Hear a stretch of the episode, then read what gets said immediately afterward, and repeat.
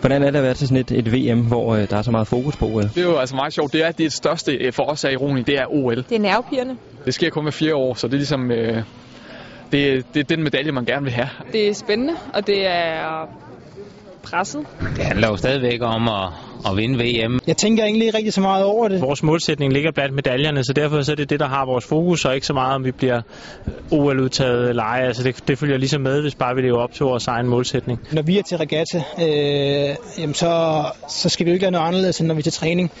Så det er jo egentlig bare et, et løb, som, som alle andre løb, og dem, der ligger ved siden af, jamen, øh, de skal bare slås. Det, der er specielt ved sådan et VM her året før OL, det er, at konkurrencen den er ekstremt hård. Alle landene har givet sig helt op til det yderste for, øh, for at få den her OL-kval. Selvom at, at, at VM i princippet er de samme mennesker, de samme både, de samme, den samme konkurrence, jamen så er OL det, det er det, man, man drømmer om, og det man, man roer efter. Ja.